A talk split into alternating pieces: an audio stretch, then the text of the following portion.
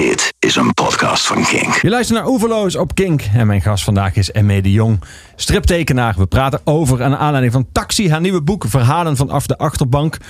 Emme, welkom in Oeverloos. Dank je. st- zeg jij zelf striptekenaar of zeg je graphic novelist? Want die twee termen worden allebei gebruikt.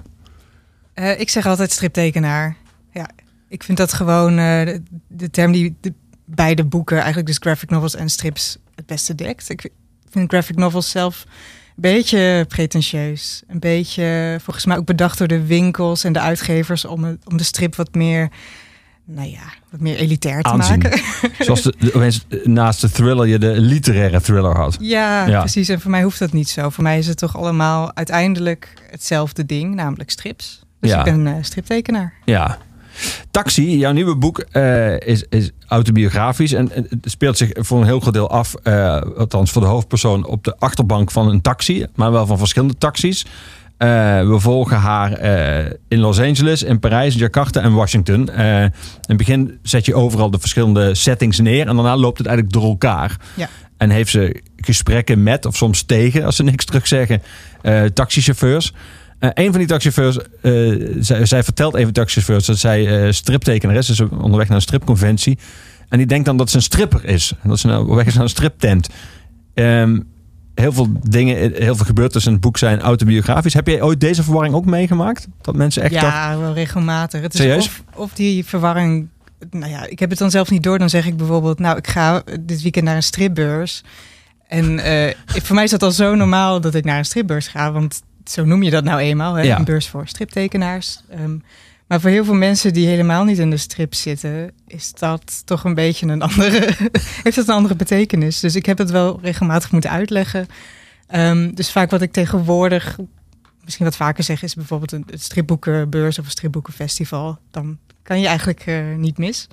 Nee, precies. Ehm, ja, en het is wel grappig, want dit boek is ook in het Engels uitgekomen. En dat is eigenlijk onvertaalbaar. Dus als je zegt stripbeurs, dat, in het Nederlands werkt dat. Maar in het Engels is het dan Comic Convention. Nou, dan maar- werkt die verwarring natuurlijk niet meer. Nou, het grappige Ja. is dat daar dus ook wel weer een verwarring is, maar een andere. Welke dan? Ehm, want een comic festival, dat gaat dan over comedians. Dus een comic Oh. is ook een, een comedian. Ja, ja. Dus eigenlijk heel toevallig en ook heel grappig konden we ook een verwarring in, dat, eh, in die dialoog zetten.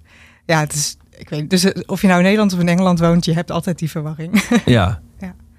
En wat, wat is door die, deze taxichauffeur eh, eh, bij deze ontmoeting die, die het boek gehaald heeft, die, eh, die, die kent die hele wereld niet. Die, die, die is daar heel benieuwd naar. Die snapt dat eigenlijk helemaal niet. Wat, wat, wat, wat krijg jij meestal van vragen als mensen echt geen idee hebben dat eh striptekenaar ook een, een beroep is en een vak is. En dat, dat ook dat die boeken, misschien niet per se in Nederland, maar in andere delen van de wereld, zoals in Frankrijk, enorm verkocht worden ook. Wat, wat, Ja.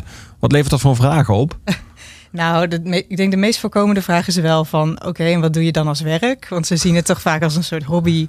Wat ook best wel logisch is, want de meeste mensen maken strips als hobby. eh, gewoon in hun vrije tijd. Eh, er zijn er echt maar heel weinig die ervan kunnen leven. Dus ik word ook nooit boos als mensen denken dat het een hobby is. Maar dat is wel de meest voorkomende vraag, denk ik. Ehm, ja, en dan meestal leg ik uit van nou, strips, dat, dat doe ik echt als werk. Daar kan ik van, van leven. Ehm, maar ook illustraties doe ik erbij en animaties en, en Ja. van alles. Ehm, en dan vaak dan snappen ze het toch wat meer. Want dat, ja, dat is misschien wat beter voor te stellen dan iemand die de hele dag maar stripjes aan het tekenen is en dan eh, ervoor betaald wordt. Ja. Ja. We gaan het over strips hebben, we gaan het over jouw werk hebben. eh, en we gaan muziek draaien. Muziek uit, jouw eh, uit jouw collectie, muzie- muziek uit jouw cd-kast. Ik weet niet of je nog een cd-kast of een LP-kast hebt. Ehm, een hele kleine. Ja. hele kleine. Van de tijd dat je nog cd's of LP's kocht. Ja, ik kocht echt heel veel cd's als tiener. Ehm, ik ging ook heel veel naar concerten. Echt bijna elke week of om de drie dagen of zo ging ik wel naar een concert. Ja, je zegt allemaal in de verleden tijd. Ja, dat is nu een beetje over, helaas.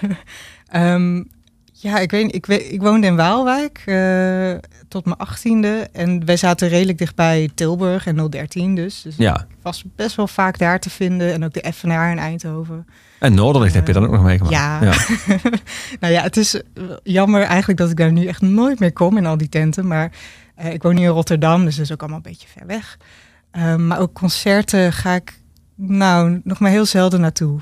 Ehm, en ik mis die tijd nog wel heel erg. Dus ik heb heel veel muziek ook uitgekozen die nog een beetje verwijst naar die tijd van Ja. toen.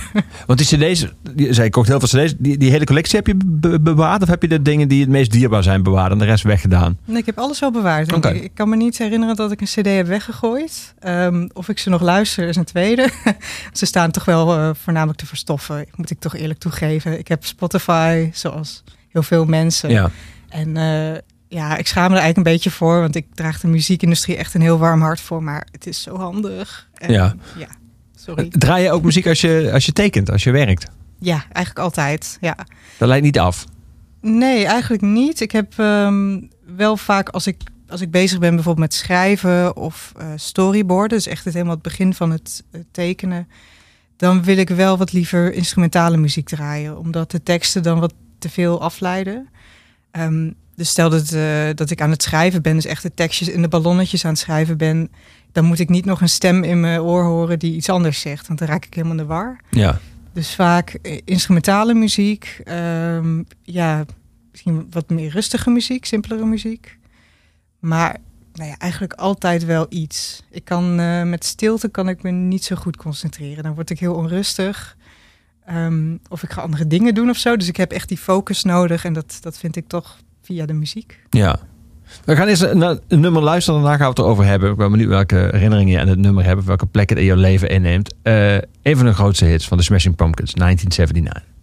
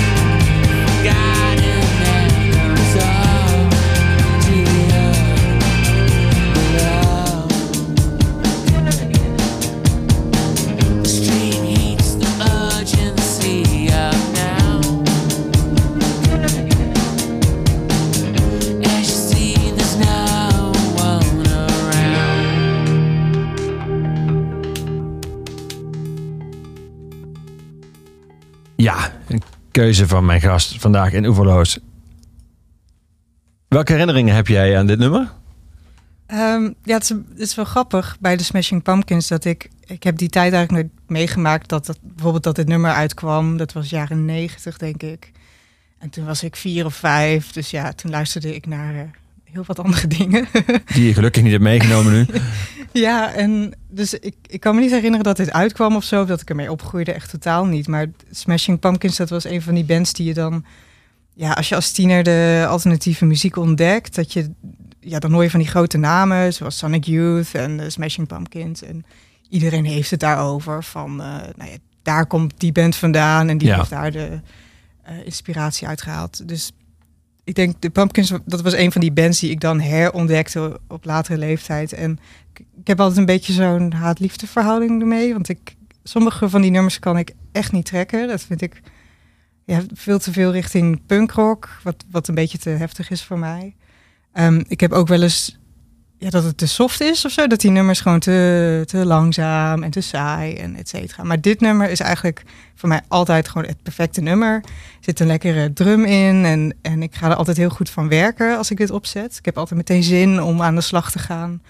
Um, dus ik zet tegenwoordig heel vaak gewoon dit nummer aan bij het begin van mijn dag. Ja. Um, en ja, en dat hele album was wel vrij kalm. Kun je dat ja, hele album ja. dan... Uh, Zet je dat hele album dan op? Of nee, dat, zet je, uh, nee, zet, ik zet je de nummer op repeat? Uh, dat is echt weer die Spotify-generatie. Dat ik dan echt alleen de nummers die ik tof vind, die haal ik er Ja. dan uit. Die zet ik in een playlistje en die luister ik dan heel vaak. Dus dit nummer heb ik eruit gehaald en de rest van de plaat zet ik eigenlijk niet meer op. Maar wie weet dat het, uh, het gaat vaak in golven. Hè? Dat ik misschien uh, in een bepaald humeur kom op een gegeven moment en dan die plaat wel heel goed kan trekken. Nou ja, dat gebeurt ook. Ja. Die taxiritten die jou uh, die uiteindelijk het materiaal hebben opgeleverd voor, uh, voor je nieuwe boek Taxi. Was je al van bewust dat, dat je er uiteindelijk iets mee zou doen in je werk toen je die ritten maakte? Nee, dat niet. Nee. Ik heb um, eigenlijk pas na die ritten heb ik, heb ik dat idee bedacht. Ik had um, nou, altijd als ik op reis ga, dan, dan maak ik een soort dagboekje, een soort reisdagboekje. En nou, ik ben nou eenmaal striptekenaar, dus het zijn niet alleen tekstjes. Uh, het zijn ook heel veel tekeningen en het zijn uh, ja, schetsjes. Het is echt niet publiceerbaar of zo, het ziet er niet uit. Maar het is meer, als ik iets grappigs meemaak, dan wil ik het gewoon even neerzetten. En vaak is het heel leuk om die boekjes In plaats van opschrijven dus. Ja ja, ja, ja, ja. En vaak ook in stripvorm. Dus dan in plaats van dat ik het echt helemaal uitschrijf hoe een dialoog ging... dan teken ik twee hoofdjes die dan met elkaar praten. Um, en het is gewoon leuk om terug te zien. Ook uh, jaren later, dan pak ik er weer eentje op en dan lees ik het. Denk, oh ja, dat was ik al bijna vergeten. Ja. En dat gebeurde dus ook met heel veel van die taxiritjes. En ik had het eigenlijk niet door dat het er zoveel waren. Um, want ik, ik heb heel veel gereisd de laatste tijd, ook om uh, boeken te promoten en voor festivals, de stripfestivals. Ja, en je zit toch altijd in een taxi. Of je nou uh, naar je hotel gaat, of je gaat naar een festival toe, of je gaat weer terug naar het vliegveld, uh, noem maar op. En ja, op de een of andere manier, misschien dat ik het zelf uitlokte of zo. Of dat die taxichauffeurs gewoon zo op mij reageerden. Maar ik had bijna altijd wel hele goede gesprekken met die mensen. En dat kwam dan uiteindelijk ook in dat dagboek terecht. En ik weet nog dat ik op een gegeven moment dacht... misschien dat ik een paar van die stripjes uit het dagboek kan omtoveren in een echt boek. Omdat ze best wel interessant zijn en best wel... ja, ook wel ook mooi. Mooie gesprekken staan erin. En toen viel het me dus op, toen ik aan het teruglezen was, hoe vaker taxichauffeurs in het voorkwamen. Ja. Um, en toen dacht ik, nou, misschien als ik alleen die taxiritjes pak, heb ik ook al een boek. En dat, uh, dat bleek, maar ja, dat, dat lukte gewoon. Ja, en daarna, ik heb wat uh, schetsjes gemaakt en daarna heb ik een uitgever benaderd uh, die dat wilde doen. Ja. ja. Je laat ze door elkaar vloeien, uh, die ritten. Ja. Um, in het begin zet je ze allemaal neer en daarna uh, ben je gewoon elke keer in een, andere, in een andere taxi. En weet je ook al als lezer welke dat is. En dan heb je ook kleine soort van reminders van, oh ja, dat is, dat is bij die en dat is, uh, dat is daar. Um, werkt dat ook zo in je hoofd? Zijn die ritten soort van met elkaar, zijn, zijn die in elkaar een soort van overgevloeid? Uh, dat, nee, dat niet. Maar het grappige is dat dat eigenlijk ontstond tijdens het maken van het boek. Want um, het, zijn, het zijn vier verschillende verhalen en vier verschillende tijden. Dus één verhaal speelt zich af in 2014, toen ik uh, een tijdje in Los Angeles woonde. En eentje bijvoorbeeld in 2018 in Parijs, toen ik op weg was naar een siersessie. En die in Los Angeles, toen had je nog geen rijbewijs. Nee, klopt. Nee. Want in, in, in, zeker in New York lukt dat nog wel, maar in Los Angeles dat wel echt... Dan... Ja, het is echt niet te doen. Nee, niet te doen eigenlijk. Dus ik zat heel vaak in een uh, taxi in die tijd. Um, ja, en het, maar het zijn dus echt hele verschillende tijden en verschillende steden en verschillende verhalen. Dus ik, ik had helemaal niet bedacht dat die goed bij elkaar zouden matchen. Behalve dan dat het altijd over een taxi ging. Maar pas toen ik het ging schetsen en tekenen, toen zag ik dat bepaalde onderwerpen een soort raakvlakken hadden met elkaar. Um, en ik ging ook automatisch bijna een soort van heel obvious een, een, verwijzing dan maken naar een ander verhaal in het ene verhaal. En dat ging dan allemaal zo heen en weer. Dus dat is eigenlijk een heel magisch proces dat je dus ja, door, door te schetsen en te tekenen ontdekte hoeveel die verhalen met elkaar te maken hebben. En toen kwam ik er eigenlijk op van, weet je wat, ik ga niet hoofdstuk 1 Los Angeles, hoofdstuk 2 Parijs, et cetera. Ik ga gewoon alles door elkaar gooien. Wel zo dat je nog door hebt in welke stad je bent en met welke chauffeur je bent. Maar het gaat echt als een soort uh, vlechtwerk gaat het door elkaar heen. En, en wat er eigenlijk ontstaat is een nieuw verhaal, een nieuw groter ding. Uh, en dat, ja, ik vond dat heel, heel goed gelukt en heel ja. fijn ook. Ja. ja. Het is eigenlijk een soort dwarsdoorsnede van de taxichauffeur, zou je kunnen zeggen. Maar tegelijkertijd hebben ze ook allemaal nog individueel iets te vertellen. Het zijn echt wel, denk ik, echt, echte personen. Ook als je het boek leest, het voelt wel alsof ze allemaal wel een, uh, een persoonlijkheid hebben. En nadat het boek uit is, nog wel verder gaan met hun leven of zo. Het, het zijn geen uh, bijrollen of bijfiguren. Nee. nee, zeker niet. Um, is, is er muziek die jij hebt uitgezocht vandaag die uit een taxi afkomstig is? Of, nee. Of heb, je, heb je überhaupt herinnering aan muziek die opstond in, tijdens al die ritten? Oh. Of stond gewoon de radio op Hmm. meestal? Vaak wel radio. Um, Ze reageer natuurlijk ook som, in sommige gevallen op het nieuws dat ze op de radio ja, horen. nieuws regelmatig. Ja, muziek, dat weet ik. ik. Ik heb wel regelmatig dat ik in taxis zit, maar vaak is er of geen muziek. Um, en er zijn momenten dat je zou willen dat het er wel was, want dan is het heel ongemakkelijk stil. Dan moet je nog een uur, weet je wel. Um, en ik vind het ook altijd raar om dan zelf muziek op te zetten of zo. dus de, dat doe je ook niet. Um, dus dan kan zo'n rit heel lang duren. Nee, ik, ik heb geen le levendige herinneringen aan Nee. uh, de muziek die in taxis wordt opgezet eigenlijk. Nee, maar je hebt ook veel, zo te lezen, in ieder geval veel gepraat. Ja, Eh, ja, ja, niet- ja. Kwam niet altijd meteen iets terug, maar uiteindelijk ontstond er altijd wel een gesprek. ja. Ja, Ja, ik- ik vind dat ook verbazingwekkend, want ik denk die, die mensen zien op een dag zoveel verschillende mensen. Eh, Waarom willen ze met mij dan nog eh, praten? Weet je wel, ik zou echt totaal uitgepraat zijn op een gegeven moment. Ehm, want, want die gesprekken gaan nooit heel diep, tenminste. Normaal gesproken gaan ze niet heel diep. Je zit een half uur met elkaar in een auto, dus hoe, hoe diep kan je gaan? Ehm, dus ik vond het altijd al opvallend dat ze überhaupt iets terugzeiden. En, en dan de verhalen in het boek, die gaan ook allemaal echt over hele persoonlijke eh, dingen. Dus Ja. over familie en over geloof. En dat, eh, ja, dat, dat verbaasde me zo. Daarom heb ik ze ook opgeschreven natuurlijk. Dat het me, dat het me echt bijbleef. Big Thief gaan we draaien. Eh, wat is het verhaal achter, de, achter eh, vooral dit nummer, Shark Smile? Oh ja, ik vind Big Thief, dat is een, een redelijk nieuwe band. Ja. Is het 2017 het album. ja, Ja. ja. En ik vind het eigenlijk de beste band die er nu is. Dat is natuurlijk heel gevaarlijk om te zeggen, maar Nou ja, als jij dat ik vindt. vind Ja. dat dat zo is. Ehm, omdat ja, de muziek die ze maken, ieder album is een soort ontdekkingstocht door eh, sowieso door die zang van de zangeres. Het is prachtig, echt een hele mooie stem die je helemaal meeneemt in dat gevoel. Ehm, maar ook de muziek, dat gaat van punkrock tot eh, hele eh, droevige liedjes, tot hele persoonlijke liedjes. Hier, hier, hier trek je de punkrock wel? Nou, hier vind ik het, Ja, nou, ik vind het ook weer zo om punkrock te bashen. Maar ik, ik hou er wel van als het wat dieper gaat. Dus eh, bij Big Thief lukt dat wel. Want, want het heeft altijd zoveel lagen. En ook de teksten zijn ook heel, heel mooi en heel Ja. persoonlijk. Ehm, en het is, ieder nummer is anders. Het, het doet me soms een beetje denken aan de vroege albums van Radiohead bijvoorbeeld. Dat je toch, weet je, dat rauwe randje hebt. Maar ook wel die emotie. Ehm, en ik heb heel veel zin om ze te gaan zien in Paradiso eh, later. Ik weet niet of dat nou dit jaar is of volgend jaar, maar ik heb in ieder geval Je hebt kaartjes, oké. Ik heb kaartjes. Want je zei net, concerten schieten er wel eens bij in, maar deze Ja. wil je wel echt zien. Deze wil ik echt zien, ja. ja ik heb nu, eh, als ik naar concerten ga, dan zijn het echt artiesten die ik moet zien. En Ja. Is er daar eentje van. Ja. En heb je, eh, je hebt ze nooit live gezien nog dus? Ja, wel. Ja, Oké. in, in Rotown, dus mijn woonplaats, wat heel handig was.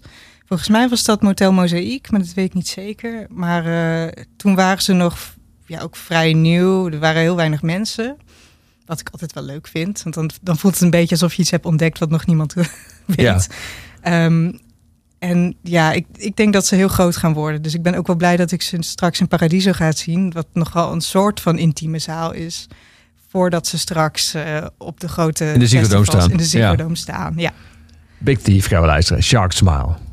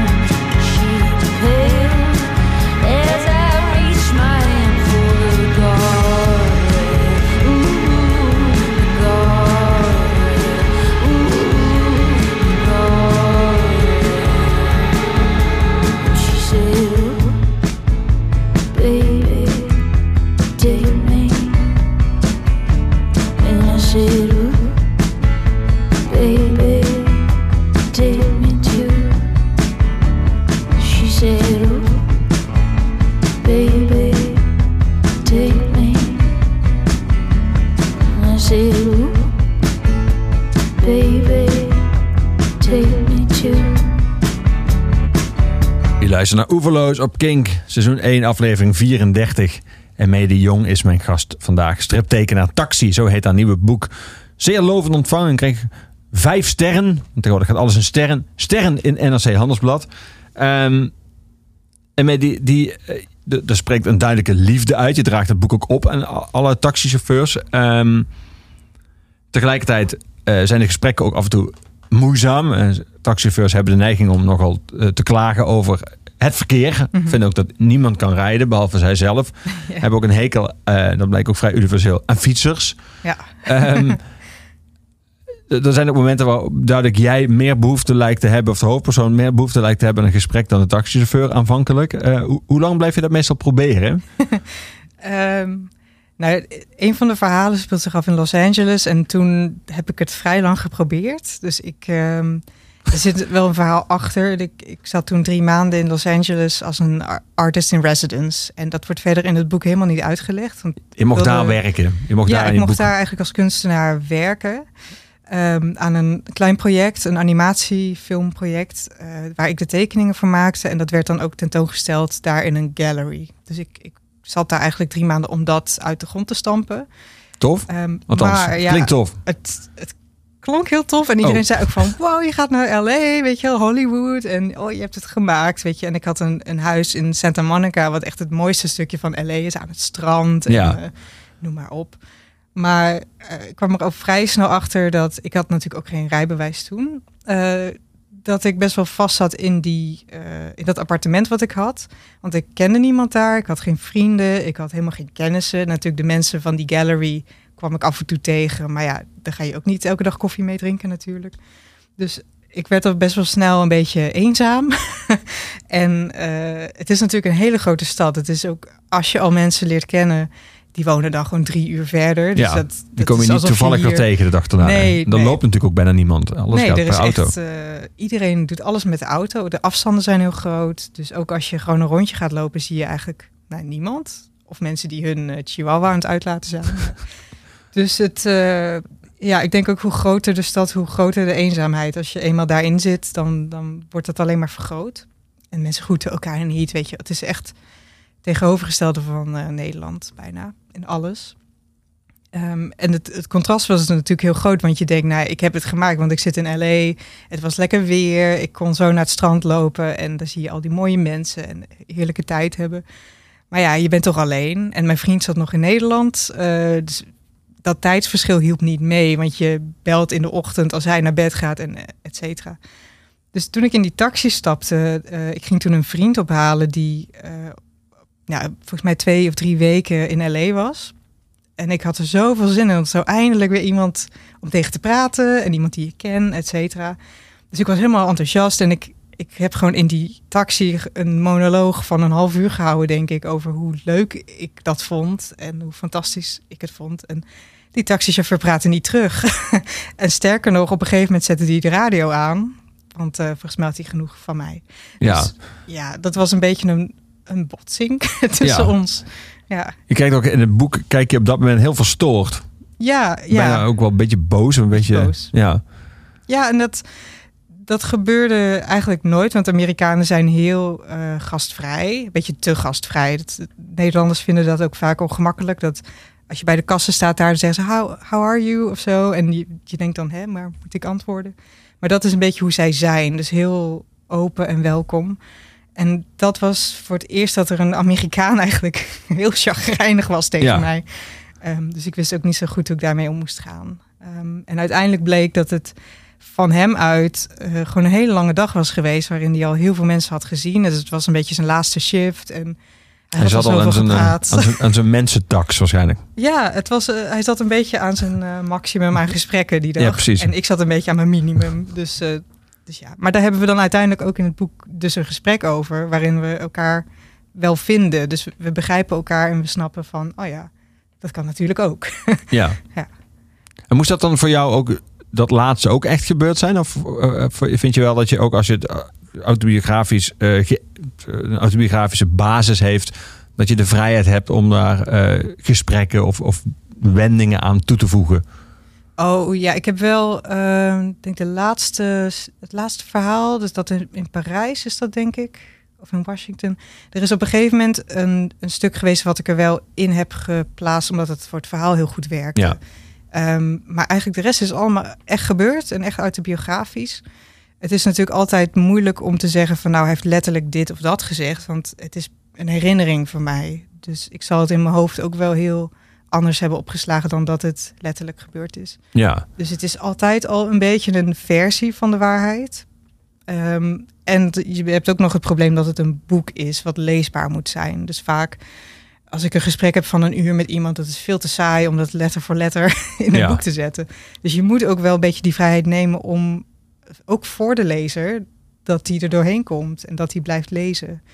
Dus ik vind dat helemaal niet erg. Het is geen, het is geen journalistiek of zo. En ik, ik ga daar ook niet mee, eh, mee lopen van dit is 100% waar gebeurd.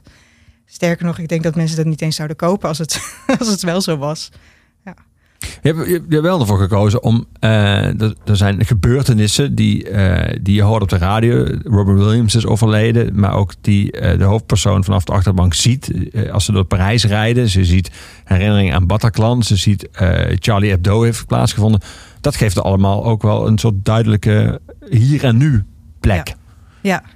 ja, en dat zijn ook toevallig twee herinneringen die ik nog echt heel goed weet. Dus dat, dat nieuwsbericht over Robin Williams. Die had toen, eh, toen ik daar in LA was, zelfmoord gepleegd. En het was denk ik echt de eerste week dat ik daar was. Ehm, dus ik was nog niet eens op de Hollywood Boulevard geweest. En toen dacht ik, nou, misschien is dit wel een goed moment om te gaan. Want er lag een soort bloemenzee voor hem rondom die ster. Bij zijn ster, ja. En ehm, ja, en er waren heel veel fans van over de hele wereld die daar naartoe kwamen en die bloemen daar kwamen liggen. Dus toen ben ik er eigenlijk voor het eerst geweest. Eh, en tijdens mijn verblijf nog een paar keer terug. Ehm is verder niet heel boeiend hoor, die Hollywood Boulevard. Is gewoon een straat met sterren.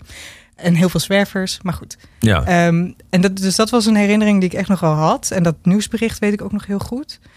Ehm, en dan die, ja, Bataclan en Charlie Hebdo, dat waren twee evenementen die net hadden plaatsgevonden toen ik in die taxi in Parijs zat. En het, zelfs daar lagen nog bloemen van mensen die eh, bij het kantoor van Charlie Hebdo dus bloemen hadden neergelegd.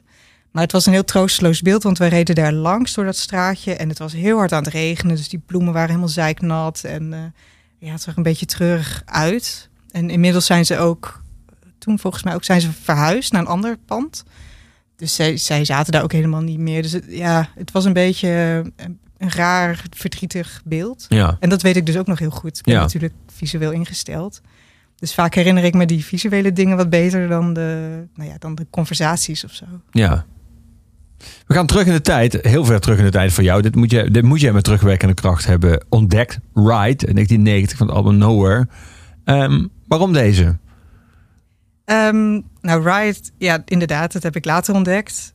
Beetje hetzelfde als bij de Pumpkins, want ik was gewoon veel te jong. Ja. Ik was toen twee, toen het album uitkwam. Ehm, ja, Riot heb ik eigenlijk ontdekt eh, toen ik me ging verdiepen in de shoegaze muziek. En eh, toen luisterde ik heel veel naar Slowdive en My Bloody Valentine. En dat was van die heerlijke eh, droevige tienermuziek, zeg maar. Ehm, en ja, en die heb ik ook allemaal live gezien. Riot ook live gezien sinds de comeback. Ze, ze zijn weer begonnen opnieuw. En het, het zijn van die bands, ja... Ik, heb wel eens dat ik zo'n album opzet, bijvoorbeeld dit album van Riot of van My Bloody Valentine, en dan haal ik er helemaal niks uit. Dan denk ik van jeetje, het is gewoon herrie met een beetje gepraat eroverheen. Want je kan nou niet bepaald zeggen dat hij goed kan zingen of dat de muziek zo melodieus is. Maar er zijn andere momenten dat ik er naar luister en dat ik gewoon al mijn emoties in één keer terug weerspiegeld zie in die muziek. Extreem stemmingsgevoelig tussen deze muziek. Ja, echt. Ja, ja. En er zijn dus. En kennelijk moet het dan, als jij het zo vertelt, moet het ook aansluiten bij de stemming die je op dat moment hebt. En kan het niet jouw stemming ombuigen naar een ride stemming, zeg maar. Oh nee, nee, ik denk niet. Ik denk dat het echt vanuit mij moet komen. Ja. En dat de muziek dat dan uitvergroot. Dat, dat gebeurt veel vaker. En ik denk dat deze muziek heeft heel erg in zich. Het, het bepaalt niet echt voor jou wat het gevoel is. Het laat het heel open. Er is zoveel herrie aan de hand. en heel veel drums en heel veel distortion en noem maar op. En feedback. Dat, dat jij kan er heel makkelijk je eigen ding van maken. En je kan er uitpikken wat jij wil horen. Ja, En wat, dat is voor mij dan in zo'n humeur is dat veel prettiger dan een liedje wat, wat voor mij bepaalt dat het bijvoorbeeld een, een verdrietig liefdesliedje is. Of eh, oh, I miss you so much, zingt dan iemand. Denk ik, ja, maar als je dat voor mij gaat uitspellen, dan voel ik het al niet. Ehm, terwijl in dit nummer kan ik dat wel voelen of iets heel anders ja. verandert. We We gaan dan luisteren. Dat is het laatste nummer van dat album van Nowhere. Het slotnummer. Vapor Trail. He has right.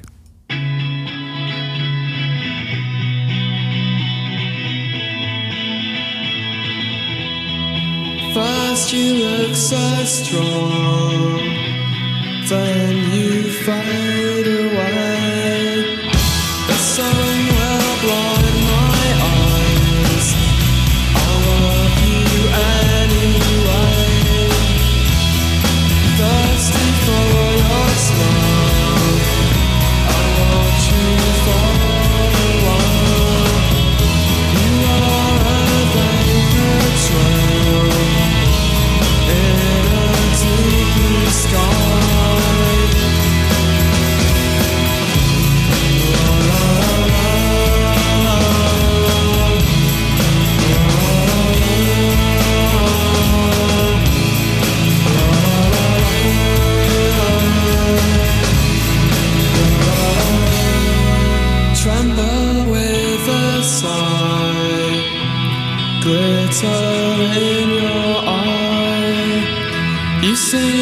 to come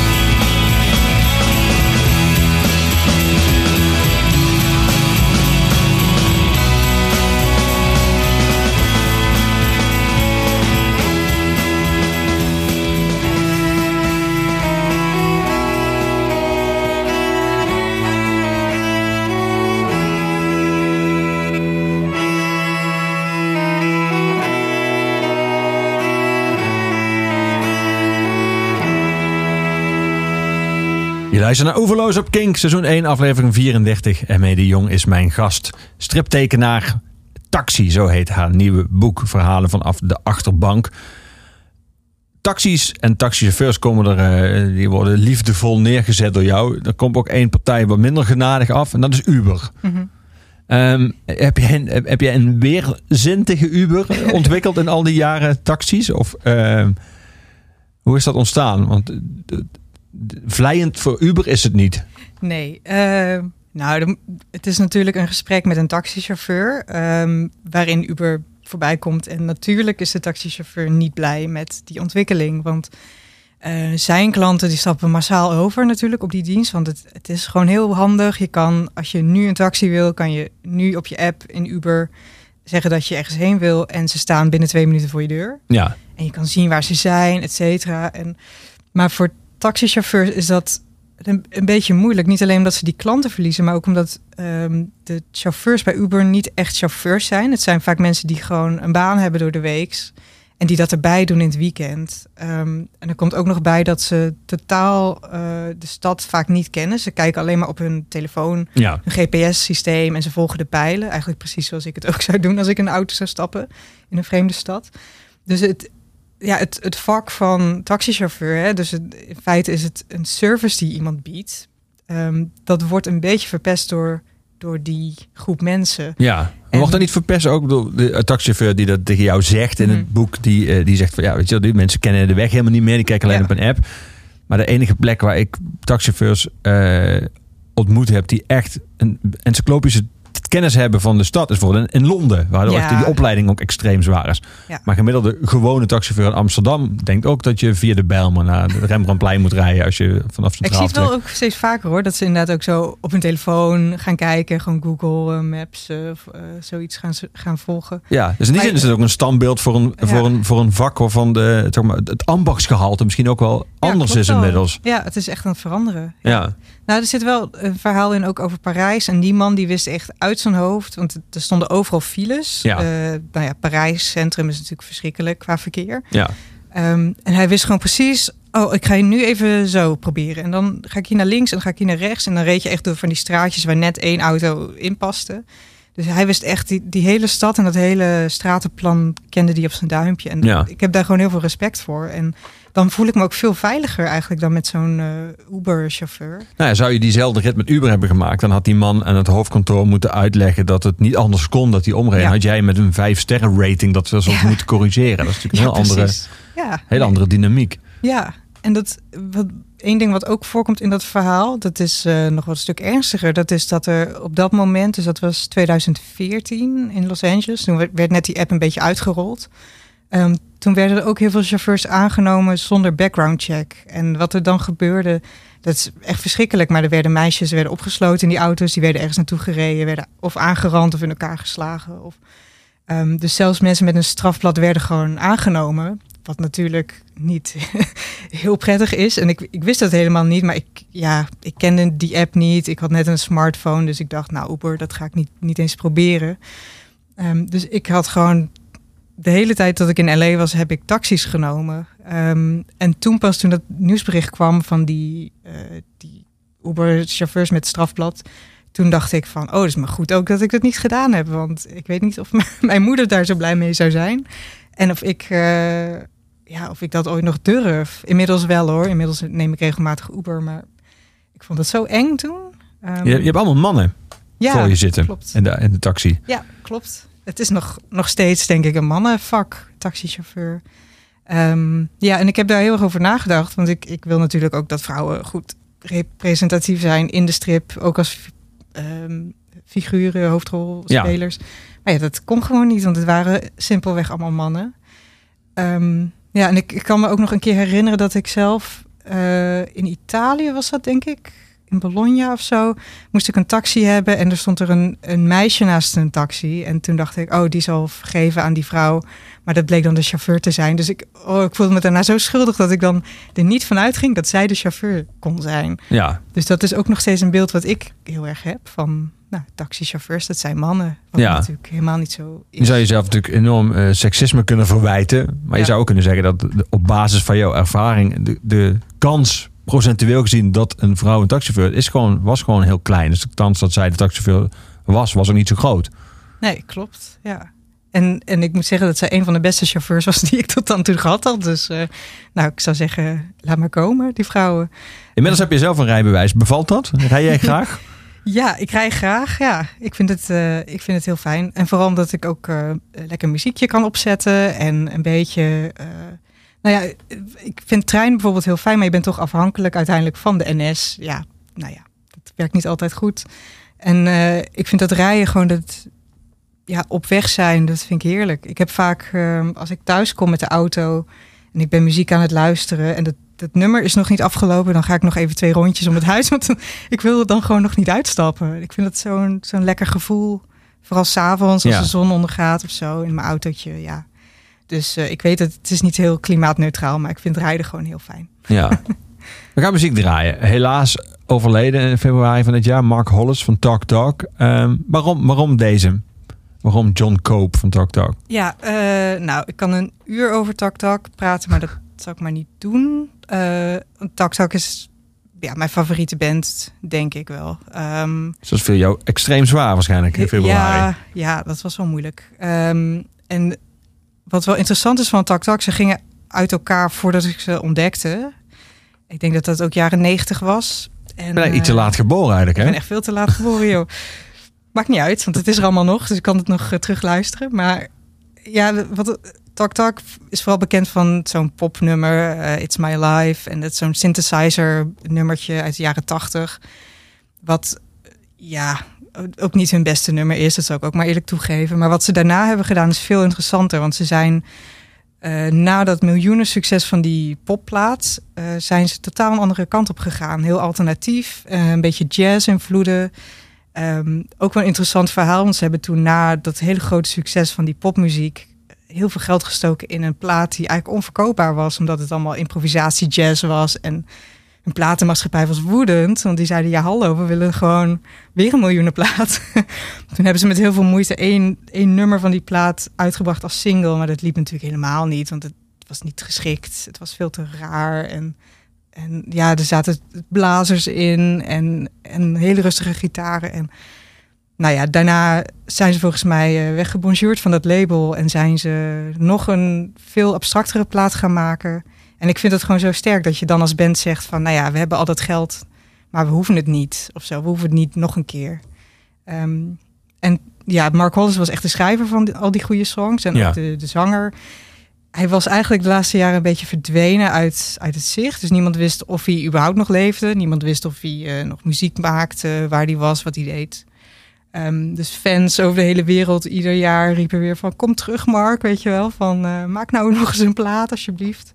Ja, en toen februari dit jaar kwam het bericht dat hij overleden was... na een kort ziekbed. Dus, eh, nou ja, dus kennelijk leefde hij nog. Maar eh, nu niet meer. Nee. Ehm, en wat nu dus in november gaat gebeuren, en daar ga ik ook naartoe, dat is een eh, soort tribute concert aan hem en aan Talk Talk. Met allerlei artiesten uit de, de Engelse rockscene, die dus een soort nou ja, ode aan hem gaan brengen. Dus Wat tof. Waar is dat? in de pocket.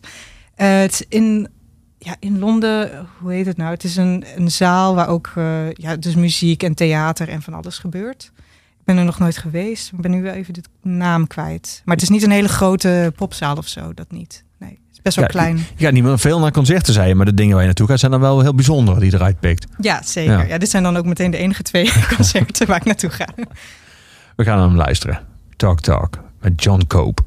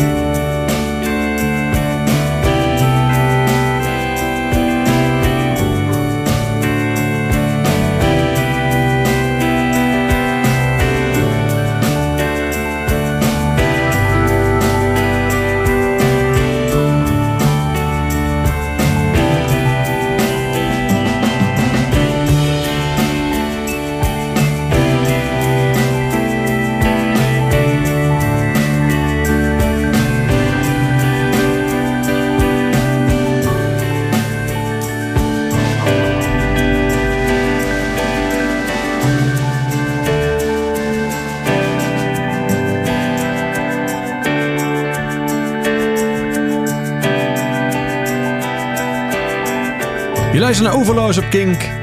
En Mede Jong is mijn gast. Taxi, zo heet haar nieuwe boek. Ehm, we praten over taxi, we praten over haar werk. En we draaien muziek eh, naar keuze van Emme. Bij jouw vorige boek werkte jij met iemand samen die het scenario schreef. Zidrou, eh, een Fransman. eh, die ook al een, een enorm oeuvre zelf heeft opgebouwd. Ehm, was dat jouw idee om, om, om samen een strip te maken? Eh, nee, dat was niet oorspronkelijk mijn idee. Dat was een beetje. Nou ja, het kwam vanuit de uitgever eigenlijk, mijn Franse uitgever. Ehm, daar ben ik op een gegeven moment op bezoek gegaan, ook om, het, om de uitgave van mijn eerste boek te bespreken. Die werd dan in het Frans vertaald, wat een hele grote eer is. Ja, Maar ze waren zo enthousiast dat ze want tegen even voor mij... ons beeld. Dat, Ja.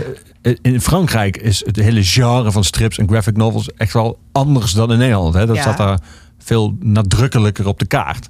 Ja, het is echt gigantisch. Het is, ehm, ja, het, het wordt daar echt gezien als een kunstvorm. Het wordt daar echt gezien als eh, het, hetzelfde, eigenlijk als, als film of als literatuur. Weet je, het wordt helemaal niet op neergekeken. En dat is wel anders dan in Nederland, waarbij Ligt het dan ook als je in Frankrijk in een boekhandel komt, waar ze er ook eh, eh, veel meer van hebben dan in Nederland, ligt het daar dan ook op een andere plek? Ligt het dan ook prominent? Ja, ja, zeker. Ja, het staat in de etalage. Het staat gewoon in het midden van, van een boekwinkel. Ze hebben natuurlijk heel veel stripwinkels ook. Nou ja, je komt binnen. Dat is gewoon, eh, gewoon een prachtige winkel. Heel groot. Heel, heel veel keuze. En ja, hier in Nederland heb je dan stripwinkels. Ja, dat, dat is dan half spellenwinkel of zo. Ja. Weet je wel. Daar moeten ze altijd iets voor verzinnen om het toch eh, winstgevend te maken. Ja. En dat is heel jammer. Ja, je, je kan daar eigenlijk weinig aan veranderen. Ja, je, ik bedoel, ik koop nog steeds heel veel strips in stripwinkels. Maar ik ga in mijn eentje niet die hele cultuur veranderen. Dat, ehm, dat is iets wat ze gewoon door de jaren heen hebben opgebouwd. En ik denk niet dat Nederland daar ooit, eh, dat is misschien een beetje pessimistisch hoor, maar dat Nederland daar ooit komt op dat niveau. Maar het, het is dus wel fantastisch als je een boek maakt hier in Nederland en dat er dan een Franse uitgever daar een Franse versie van wil maken. Want ja, je weet gewoon dat er opeens een heel groot publiek is en dat het heel veel gelezen gaat worden. Dus dat, dat was al natuurlijk een hele grote eer. Eh, en toen zeiden ze dus ook nog tegen mij van we willen graag een tweede boek. Zou je daar misschien voor eh, met een schrijver willen werken of zou je dat weer alleen willen doen? En toen zei Zidroe zeiden als een van de opties van hij zou jouw scenario kunnen schrijven. Toen dacht ik meteen, ja, dat, dat moet ik doen, want hij is een van de grote namen. Ja. eh, vooral in de, dan de Belgische en Franse stripmarkt. Ehm, en ik, ik was bekend met zijn werk, want ik las het als kind altijd. Eh, ja, hij geeft iets van vijf boeken per jaar uit, dus het is moeilijk om hem niet te kennen als striplezer. Dus het is wederom een grote eer. Dus ik heb eigenlijk meteen ja gezegd. Ik hoefde daar niet over na te denken. Maar hoe werkt zo'n samenwerking dan? Wat is dan? eh, Krijg jij dan het scenario min of meer kan dan klaar aangeleverd en is het aan jou om daar vervolgens strips bij te maken? Of gaat dat wel een soort van samenspraak allemaal? Ja, het is wel het is een mix van, van beide. Dus we hebben in het begin wel met elkaar afgesproken. Ehm, hij woont in Spanje, dus ik ben toen naar hem toe gegaan. Toen hebben we een week lang een beetje gebrainstormd van wat zijn mogelijke verhalen of onderwerpen. En we kwamen toen best wel snel uit op een liefdesverhaal. Dat wilde ik heel graag doen. Ja, Ehm, en hij kwam toen met het idee om, het, om een liefdesverhaal te schrijven, niet over jonge mensen en mooie mensen, maar juist twee oudere zielen. Ja. Dus twee zestigers die Ja. eigenlijk na hun pensioenleeftijd zitten. En dan elkaar ontmoeten en dan ook met, eh, met die kennis van, nou ja, we zijn niet meer zo mooi als dat we ooit waren en we hebben geen baan meer en et cetera. Dat je dan dus nog een nieuw liefdesleven gaat beginnen. En- dus jij wist toen al, ik moet iets meer lijntjes gaan tekenen en die ja, gezichten. dat klopt. Ja, meer eh, rimpeltjes. Ja, Ik moest ook flink aan de bak, want ik had nog nooit oudere eh, stripfiguren getekend. Wat, eh, wat natuurlijk ook de reden is dat we dat boek gemaakt hebben. Want het komt niet heel vaak voor dat ouderen de hoofdrol spelen in, in strips of in films. of een films, series. of een nummers, of een, ja, nee. Ja, in, in alles eigenlijk. Terwijl, ja, 60 is ook niet zo oud, weet je wel. Het is niet alsof ze dan echt niks meer kunnen. nee. Dus, eh, dus ik moest echt wel oefenen. Ik moest eh, oefenen op die gezichten en op die lichamen. Ehm, maar ik vond het wel heel leuk om te doen. Want ja, ik, ik heb er heel veel, vooral anatomisch, maar ook eh, het gevoel in die gezichten. Dat, dat heb ik wel bijgeleerd. En dat kan ik nu nog steeds oproepen. Ja, is dan echt alles anders wat je moet tekenen? Ook de blik en de oogopslag inderdaad, de beweging, de... Ja, ja, jawel. Ja, vooral die de man in het verhaal. Dat was dan een beetje een, eh, een oude verhuizer. ehm, met een beetje overgewicht en zo. En dat, dat moet je dan toch wel laten voelen of zo in die tekening. Dus je, je moet laten zien dat dat gewicht, dat dat echt wel... eh, Ja, hem- meetorst. ja, dat hij dat meedraagt. En, ehm, en ook hun gevoel weerspiegelen in hun houding bijvoorbeeld. Terwijl als je jonge mensen tekent, staan ze altijd loodrecht. En dan eh, huppelen ze door de wereld. Ja, en dat is natuurlijk wel iets anders. ja. Bij taxi moest je jezelf tekenen. Klopt. Hoe was dat? Eh, dat went wel. het begin is moeilijk, want dan, dan denk je... ja, ik moet me niet te oud en niet te jong. En hoe zag ik er toen uit? En, maar ja, je went eraan. En op een gegeven moment heb je ook een soort afstand. Dus dan, dan gaat het wat Op een simpeler. gegeven moment is het gewoon een personage. Ja. Ben jij het niet meer zelf. Ja, klopt. Het is echt een, een personage. In, Maar is het in het begin alsof je een soort van per ongeluk het selfie maakt, zeg maar? Alsof je zo opeens jezelf ziet? Of, Ja, ja. Ik- ja, het eerste plaatje was moeilijk. Dat duurde heel lang. Daarna is het wat, eh, wat makkelijker gegaan. Ja. ja. Ik weet niet of ik het nog een keer zou doen hoor. Want het is. eh, ja, ik ben ook niet zo van mijn ego strelen of zo. Of tentoonstellen. Dus ik, ik vind het wel prima voor één keer. Maar ik denk mijn volgende boeken, dat, dat worden weer gewoon andere personages. ja. We gaan naar de JJS luisteren. Waarom zij? Met nummer Maps Eh, van dat eh, geweldige Fever to Tell album. Ja, ja, yes. Daar heb ik een, eh, ook wel bepaalde herinnering aan. Want toen ik op de middelbare school zat, toen hadden wij, als een van de weinigen denk ik, hadden wij digitale tv. Want mijn vader was echt een beetje zo'n techneut en die had dan zo'n zo'n kastje gekocht. En, dus we hadden digitale tv en we konden opeens 500 zenders ontvangen. En een van die zenders was MTV2. En ik weet niet eens iets, of dat nu nog Iets alternatievere MTV was Ja, het. het is MTV, maar dan alleen maar alternatieve muziek. Ehm, en het ging van metal tot emo, tot gothic, tot, eh, nou ja, tot gewoon simpele alternatieve muziek. En ik, ja, ik weet nog dat, dat voor mijn zus en, en ik was het echt hele vormende eh, tijd. Omdat wij, s ochtends voordat we naar school gingen en s'avonds uh, bij het eten, keken we altijd MTV toe. En we zagen al die clips van al die alternatieve bands. En ja, daar kwamen de eerste nummers voorbij van de editors of zo. Weet je wat, echt zo de begindagen van Arctic Monkeys za- zag je de eerste clip voorbij. En het waren allemaal nog broekies, weet je. En ja, dat zijn natuurlijk hele grote bands geworden. Um, en JJS was ook zo'n band die dan regelmatig voorbij kwam met nieuwe nummers. En ja, ik, ik, wij waren echt totaal op de hoogte van wat er allemaal speelde in de muziek. En wij waren 15 of 16 of zo. Um, ja, want ik weet nog dat ik editors ging zien op mijn 17e verjaardag. Ze waren echt nog uh, piepjong.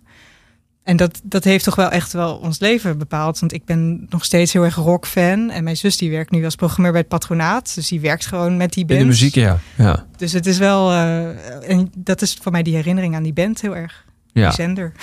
We gaan naar ze luisteren. Ja, ja, ja. Maps.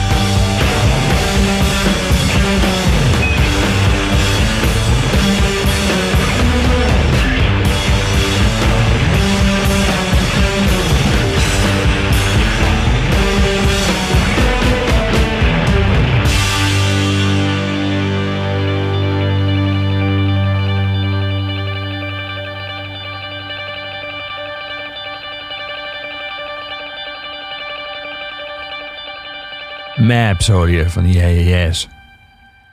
Uit het cliptijdperk van MTV2. Van onze gast vandaag in Overloos en de Jong. Ehm, je hebt dan meteen die clip eh, voor je dan in je hoofd. Wat, Ja. hoe, wat was er voor een clip? Oeh, nou, van dit nummer dat, eh, dat moet ik even goed nadenken. Want we hadden ja, die zender continu opstaan. Oeh, dat vraag je me wat. Want ik heb wel echt hele levendige herinneringen aan sommige van die clips... omdat ze zo goed waren. Dat waren echt kleine speelfilms. Ja, ja. Ehm, ja, dan kan ik er natuurlijk nu weer niet opkomen. Maar ik mis dat wel een beetje als ik nu nieuwe muziek ontdek. Dus bijvoorbeeld Big Thief of zo, dat ontdek ik dan op Spotify. Maar dat, dat Heb je geen beeld bij? De muziek, ja. Ja. Je hebt geen eh, videoclips. Die zijn er natuurlijk wel, eh, als je goed zoekt op YouTube of zo. Maar ik mis wel een beetje zo dat je gewoon de tv aanzet en dat, dat die clips gewoon voorbij komen. En als er iets boeiends eh, eh, je aandacht pakt, dan, eh, ja, dan, dan is dat vaak iets wat je zelf nooit had opgezocht Nee. of had aangezet. En zo heb ik heel veel nieuwe muziek ontdekt destijds. Ehm, en nu is het toch vaak een beetje, ja, ook Spotify, dat raadt dan dingen aan die een beetje in je gehoor liggen. Zoals heel veel apps eh, tegenwoordig denken dat ze je kennen. En ja, je mist dan toch vaak de, de dingen die daar buiten vallen, Ja. buiten je comfortzone. Ja. Dat, dat is jammer. En die videoclips mis ik ook wel heel erg, want dat, ja, soms waren dat echt fantastische films, korte films. Interpol gaan we zo draaien. Ehm, hoe kwamen die in jouw leven? Ook via MTV2 Eh, of was dat via later? MTV2 denk ik. Ja, ja. dus ehm, dat album, dat eerste album Turn on the Bright Lights, dat is denk ik een van de beste albums ooit gemaakt. En ik heb heel veel van mijn goede vrienden leren kennen door dat album. Echt waar? Ja, omdat ik eh, toen naar 013 ging, naar een concert van hun. Eh, en toen woonde ik al in Rotterdam, dus ik was aan het studeren eh, animatiefilm op de kunstacademie. Dus ik ging naar, naar 013 in Tilburg, toen moest ik met de trein terug. En toen heb ik in die trein heb ik, een vriend van mij leren kennen, Michael. En die was ook naar dat concert geweest. We waren gewoon aan de praat geraakt over hoe goed het was en welke nummers ze allemaal speelden. Ehm, en dat is eigenlijk eh, nou ja, een vriend voor het leven geworden. En hij heeft me weer geïntroduceerd aan heel veel andere mensen die ik nog steeds vaak zie. Ehm, dus voor mij is dat album en dit nummer ook is, is heel erg verbonden aan die vriendschap. Eh, en Ik best wel grappig dat jij het leuk vindt om in je eentje in de auto te zitten. Want zowel in taxis als in treinen hoe moet je communiceren dus met mensen. Heel veel mensen Ja, doen dat gewoon niet. Die zetten gewoon een koptelefoontje op en die ja. hadden net zo goed alleen kunnen zijn. Maar ja, nee, klopt. Ja, maar niet. als ik, als ik niet eh, met de trein was gegaan die avond, als ik met de auto was geweest, dan had ik die vriend nooit ontmoet. Nee, En al en- die andere mensen ook niet. Nee. Het is heel raar om daar bij stil te staan. Ja, ja het is. eh, maar ik, ik ben iemand die heel goed alleen kan zijn. Dat is het ook wel een beetje. Dus, dus dat is mijn liefde voor die auto, toch wel. Dat Ja. lekker alleen zitten. Ehm, maar ja, dan mis je inderdaad misschien wel duizend vriendschappen die je had kunnen hebben. Dat Ja. is wel zo. Was dan een, een, een, met een klassieker dat album Turn on the Bright Lights. Eh, maar was ook een band die net als de editors toen ehm, heel erg vergeleken werd met Joy Division. Ja, en ook duidelijk heel erg geïnspireerd was door Joy Division. Ja. Eh, Joy Division was voor jouw tijd. Ben jij met terugwerkende kracht ook Joy Division gaan ontdekken? Of heeft dat... Ja, ja zeker. Eigenlijk via editors en Interpol. Ehm, ja, en dat is wel grappig, want ik herinner me dat gesprek ook in die trein, dat we het ook daarover hadden, over Joy Division en de invloeden. En ja, als je dan gaat vergelijken, natuurlijk zit er wel wat eh, overlap in tussen die bands. Dus die, die donkere stem eigenlijk Ja. van de zanger en dan die eh, punky gitaarriffs. Maar, maar er zijn ook genoeg nummers die helemaal niks met Joy Division te maken hebben. Ehm, en met Interpol vooral denk ik dat vooral dat eerste album had echt een eigen sound. eh, wat volgens mij echt typisch Interpol was. Ja. Ze hebben het een jaar of twee geleden volgens mij hebben ze een tour gedaan waar ze dat album integraal speelden. Ja, ben, ben je daar nog gaan kijken of niet? Nee, want ik kon niet die avond. Ja, dat is heel stom, want ze speelden het ook in 013. En toen heb ik zelfs die vriend nog eh, gebeld van we moeten toch wel gaan. Maar volgens mij was zijn vriendin toen aan het bevallen en eh, ik kon niet. Dus Hmm. dat is niet gebeurd. Maar dat is ook een van die concerten waar ik zo heel graag bij had willen zijn. Ja. We gaan het slotnummer draaien van het album. Waarom, waarom deze? Ehm, ja, dit is voor mij het perfecte slotlied. Eh, het is zo'n. Ja, het zitten eigenlijk drie nummers in één of zo. Er zit, eh, Ja. het, het begint op een bepaalde manier, dan het midden, dan verandert het weer. En het einde is ook weer heel anders. En daar hou ik wel van. Eh, het is heel onvoorspelbaar. Dus ook als je dat nummer luistert, je hebt geen idee eigenlijk waar het heen gaat. En ook niet wanneer het ophoudt. Het kan zo nog een kwartier doorgaan. Daar hou ik wel van.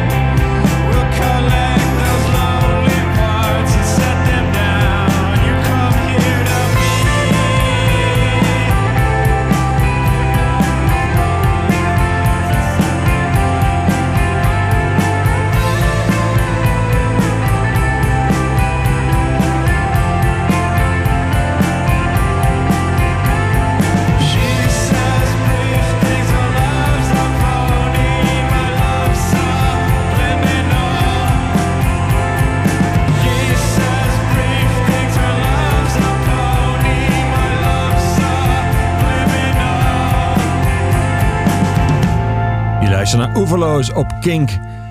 En Mede Jong is mijn gast vandaag. Striptekenaar, Taxi, zo heet haar nieuwe boek. En mee, wat, wat beschouw jij zelf als het begin van jouw eh, werk, samenleven als striptekenaar? Ehm, ik denk toen ik eh, een jaar of 17 was, toen kreeg ik een, eh, een vraag vanuit ons regionale krantje. Ik woonde toen in Waalwijk en we hadden een, een soort een kleine versie van het Brabants Dagblad, de Langstraat-editie. En zij vroegen mij of ik eh, elke week een stripje kon tekenen. Ze hadden dan via via gehoord dat ik af en toe strips maakte. En dat betaalde super slecht en zo. Maar ja, ik was natuurlijk ook 17 en ik begon net. ehm, en toen heb ik ja gezegd. En toen heb ik dus voor het eerst eh, te maken gehad met deadlines en met eh, nou ja, dingen aanleveren op tijd. En je bent 17, dus je hebt helemaal niet zoveel eh, discipline als dat je zou moeten hebben, denk ik. Dus vaak miste ik de deadline of dan was ik te laat. En ik kan me herinneren dat er zelfs een keer gewoon een, lege pagina of een leeg strookje in die krant stond omdat ik mijn deadline had gemist. Maar eigenlijk was het een hele goede leerschool. ehm, want daarna, toen ik een jaar of 18 was, toen kreeg ik echt grotere kranten die mijn, eh, die mijn werk hadden gevonden. En die mij dus inhuurden. En toen had ik dat, die fase had ik al een beetje gehad van, eh, van onderzoeken of, of, ik dat kon. Ja, Dus ik zie dat wel, dat, dat regionale krantje een beetje als mijn eerste baan als striptekenaar. ja. En was jij daarvoor al, was jij als kind al zelf een enorme strip, stripliefhebber? Kocht en las jij al heel veel strips? wel, ja. ja, ik had eh, heel veel geluk eigenlijk dat in ons huis heel veel strips stonden. Dus mijn ouders zijn en waren allebei eh, stripverzamelaars. Dus ik had eh, alle strips die ik wilde, stonden gewoon eh, in de boekenkast. Dus die kon ik gewoon uithalen en lezen. En mijn vader eh, is inmiddels overleden, maar die was kunstenaar. En die was dus ook altijd heel erg bezig met het, dat visuele, met tekenen, met eh, ook dat, dat stimuleren van met de kinderen naar musea gaan en zo. Dus voor ons als kinderen was het ook nooit heel erg of zo dat je dan als tiener nog steeds strips las. Want dat was gewoon oké. Ja, ja. Ehm, en mijn moeder was heel erg fan van Tardy, ook een Franse tekenaar, heel erg goed. Dus ja, dus ik had daar heel veel geluk mee, denk ik. ik. Ik denk zelfs als ik dat niet had gehad, was ik misschien iets heel anders gaan doen. Want het, het gaat denk ik heel erg om die support vanuit je, ja, vanuit huis uit. ja. Wat was je dan gaan doen? Heb je daar enig idee van? Was er een plan Nee, B? ik heb Geen idee, want ik ben echt nergens anders goed in. Dus ik, ik, ik weet het niet. Ehm, nee. Was je op school ook vooral goed in tekenen? Ja, ik was heel goed in tekenen. En dat ehm, eigenlijk voor mijzelf had ik dat niet echt door. Totdat mensen mij dat gingen vertellen van wow, die kan goed tekenen. En kijk, als kind ben je daar helemaal niet bewust mee bezig. Dus je doet gewoon wat je leuk vindt. En ik was gewoon altijd aan het tekenen. Ehm, en het viel dus de leraren heel erg op dat ik ook wel qua niveau wat verder was dan de andere kinderen. En natuurlijk, op het moment dat mensen je complimenten gaan geven of iets, dan ga je er ook wel in door. Dus Ja. ik ging daarmee door. Ik vond het ook leuk. En ik ontdekte dat ik eh, met strips dat ik best wel veel van mezelf erin kwijt kon. Want ik was best wel een verlegen kindje. Dus ja, dat is toen begonnen en nooit meer opgehouden. Tof. Ja. We gaan Low draaien. Waarom Low? Van The Nou, Great Destroyer. ja. When I Go Deaf heet het nummer. Ja, nou Lo, sowieso moest hij erin zitten. Want het is een band Met ook een striptekenaar, geloof ik, erin. Ik weet niet precies welk, welk van de bandleden het is, maar er zit een striptekenaar in. Dus dat is leuk. Dat is, dat is genoeg. Ja. dat is eigenlijk al genoeg. en het, nou, het verhaal achter het nummer is wat minder vrolijk. Want het, het heet When I Go Deaf, dus wanneer ik doof word. En ik heb een paar jaar geleden de diagnose otosclerosis gekregen. Wat eigenlijk betekent, betekent dat ik doof word. Ehm, en dat is een heel lang proces. Dat, dat kan zo 15, 20 jaar duren. Maar het zit eraan te komen. En ik merk het al een beetje dat, het- dat mijn gehoor achteruit gaat. En eh, wat een beetje een raar ding is van, van die ziekte, is dat, je, eh, dat het geluid vervormt. Dus bepaalde nummers die ik heel goed ken van vroeger bijvoorbeeld, die klinken opeens anders. Dus het is niet per se dat het, ehm, dat het zachter wordt, het geluid of zo, maar het verandert gewoon heel erg. Het wordt ook zachter of, of zelfs Ja, het, helemaal wordt niet. ook, eh, het wordt ook zachter, maar, maar het is, ja, wat ik vooral merk is dat ik opeens eh, andere instrumenten minder goed hoor. Of dat ik een bas eh, opeens niet meer hoor, terwijl ik weet dat die erin zit. Weet je wel, dat soort dingen. Ehm, en de, gelukkig zijn er wel, ehm, nou ja, er zijn manieren om het op te lossen. Er zijn operaties die je kan ondergaan. Ehm, dus het gaat om een, een botje in je oor wat eigenlijk vervormt, wat te groot wordt en te zwaar om te vibreren, waardoor het, waardoor het geluid wordt tegengehouden. En er zijn operaties, dus je kan een soort ehm, ja, vervanging van dat botje. Maar dit, het is dus het kleinste botje van het menselijk lichaam. Dat heb ik weer. en eh, dat is dus best wel een linker operatie. En ze doen dat eigenlijk ook pas als het, als het echt ver Als het bijna zover is. Ja, anders is het eh, risicovol. Verandert dan ook, je, je zegt eh, het geluid verandert, dus Ja. hoe een nummer klinkt verandert. Verandert daarmee ook je muzieksmaak? Nee, dat, ja, dat weet ik niet. En misschien ook wel. ehm, want een vriendin van mij heeft dezelfde ziekte. En zij zegt, ja, wat er bij haar heel erg gebeurt... is dat de muziek eh, nu klinkt alsof het door een wekkerradio wordt afgespeeld. Dus dat geeft een beetje een beeld. Dus het wordt Heel een schel. blikkerig. Ja, een beetje schel. En je mist de, de lagen. En zover ben ik nog niet. Maar eh, ik denk wel dat bepaalde muziek... bijvoorbeeld klassieke muziek of zo... dat zij dat misschien wat minder snel zou opzetten. Omdat, ja, dat wordt dan heel snel één laag. Ja. Dus misschien dat die smaak daarmee ook wel verandert. Maar daar heb ik eigenlijk nooit over nagedacht. Voor mij tot nu toe eh, gaat het nog goed, in ieder geval. Ja. Ja. Hoe, wa- wat doet dit nummer dan voor je nu? When I Go Deaf, is dat... Eh, nou, dit nummer kende ik al heel lang. Eh, van een fantastisch album natuurlijk, The Great Destroyer. En eigenlijk pas toen het toevallig voorbij kwam in mijn playlist... toen dacht ik van, oh, oh nee, dit gaat eigenlijk over mij. Ehm, maar als je naar de tekst luistert, het is eigenlijk heel poëtisch. En het, het gaat erover dat als je doof wordt... dat er nog zoveel andere dingen zijn die, die wel gewoon doorgaan. Dus eh, het is een soort van troostnummer. Maar ik moet ook eerlijk zeggen dat inmiddels ben ik daar weer overheen... en kan ik gewoon genieten van het nummer zoals het is. Dus gewoon Ja. goede muziek, rustige opbouw... en dan een keigrote explosie van geluid op het eind. Ja. Dus het is gewoon een goed nummer. We gaan dan luisteren. Is Low.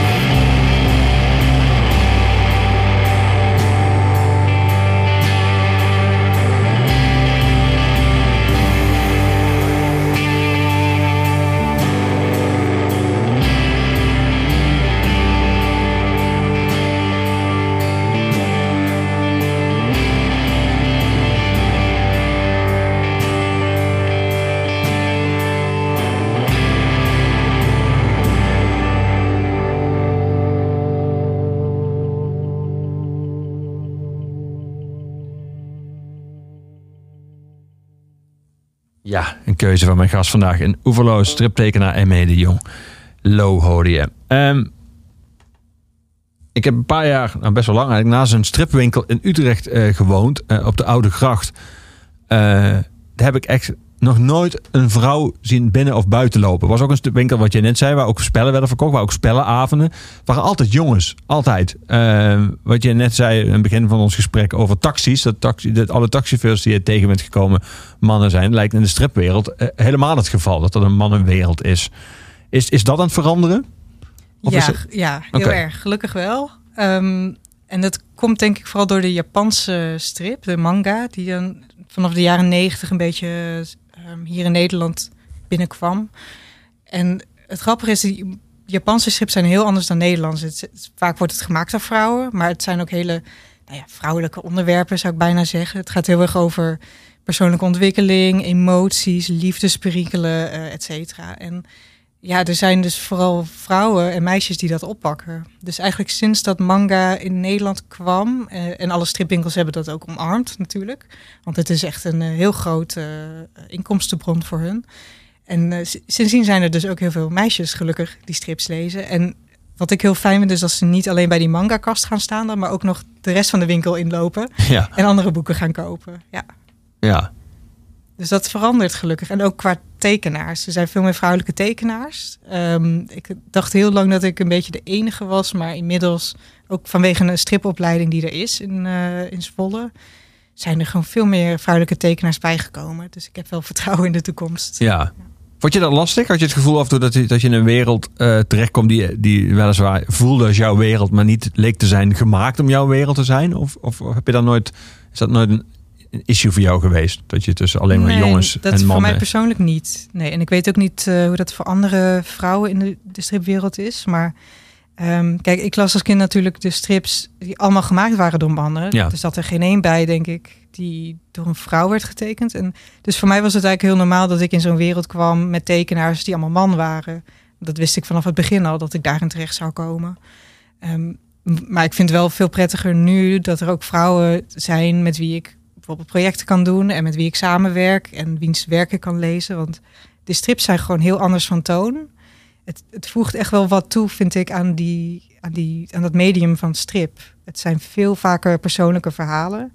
Er zijn er ook heel veel mannen natuurlijk die hele persoonlijke boeken maken. Maar ja, als je, dan, als je het over strips hebt, vaak zijn het dan toch weer de vikingverhalen en de stoere ridders. En de, ja, maar dat is ook prima, want dat, Ja. zijn, dat zijn nou eenmaal strips. Ehm, maar ik ben blij dat er bijvoorbeeld eh, laatst een boek uitkwam van Maaike Hartjes. eh, dat heet Burnout Dagboek. En het is een dagboek over haar burn-out. En dat is zo fantastisch gedaan en zo eerlijk en zo open. En, voor mijn gevoel is dat echt zo'n boek wat misschien alleen door vrouwen gemaakt had kunnen worden. Het is natuurlijk gevaarlijk om te zeggen, maar in ieder geval dat het zo bij mij binnenkwam, dat, eh, ja, dat is best wel uniek. Dus daar ben ik heel blij mee dat dat soort boeken nu, nu komen. Ja. We gaan een man draaien die eh, eh, vorige week 70 jaar werd. Eh, Bruce Springsteen, The Ghost of Tom Joad. Het, het titelnummer van het gelijknamige album 1995.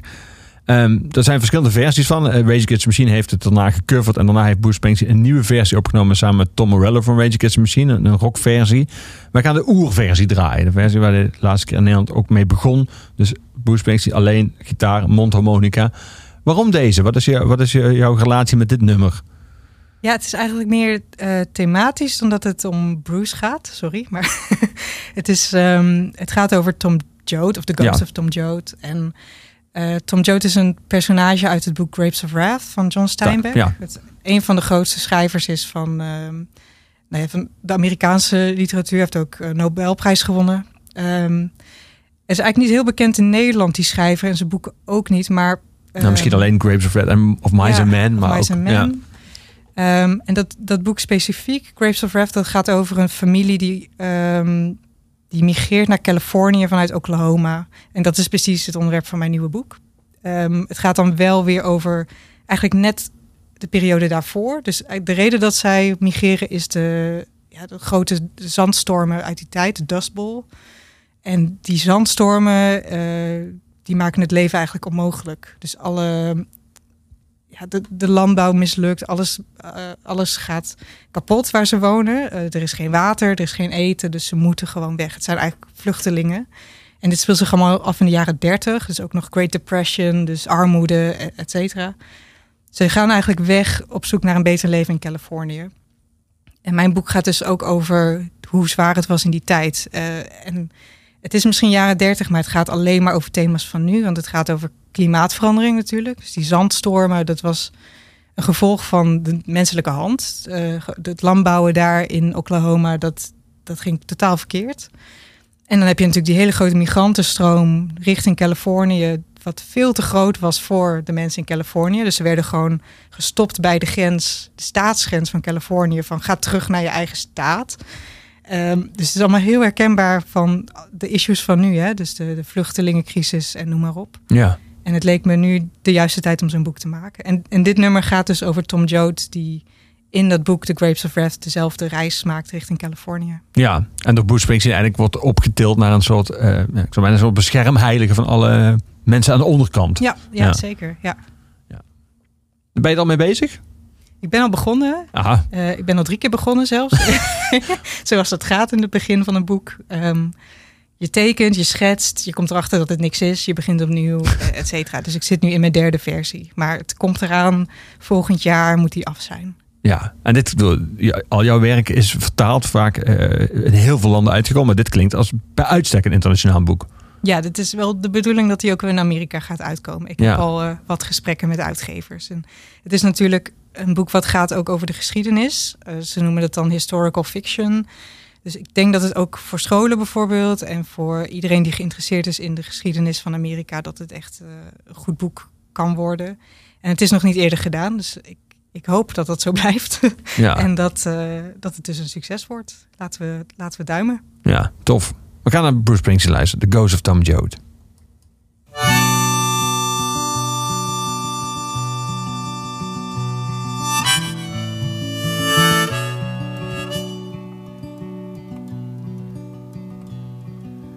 Men walking along the railroad tracks. Going someplace and there's no going back. Highway patrol choppers coming up over reach. Hot soup on a campfire in the bridge. Shelter line stretching round the corner. Welcome to the new world order. Sleeping in their car in the southwest. No home, no job, no peace, no rest. Well, the highway is alive tonight. But nobody's kidding nobody about where it goes. I'm sitting down here in the campfire line. Searching for the ghost of Tom book out of his sleeping bag. Preacher lights up a butt and takes the drag. Waiting for when the last shall be first and the first shall be last. In a cardboard box neath the underpass. Got a one way ticket to the promised land. You got a hole in your belly and a gun in your Sleeping on a pillow of solid rock. Bathing in the city, aqueduct.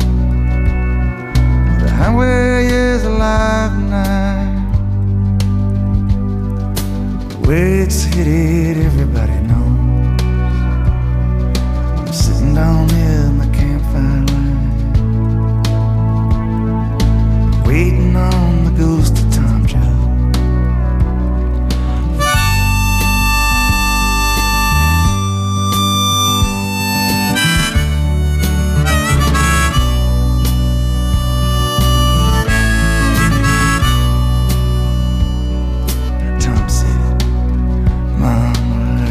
there's a cop beating a gun. wherever hungry newborn baby cries, there's a fight against the blood and hatred in the air. Look for me, Mom, I'll be there. Where there's somebody fighting for a place to stand a decent job or a helping somebody struggling to be free. Look in the eyes, mom, you'll see me. The highway is alive tonight. But nobody's kidding nobody about where it goes. I'm sitting down here in the campfire line with the ghost of old time Joe.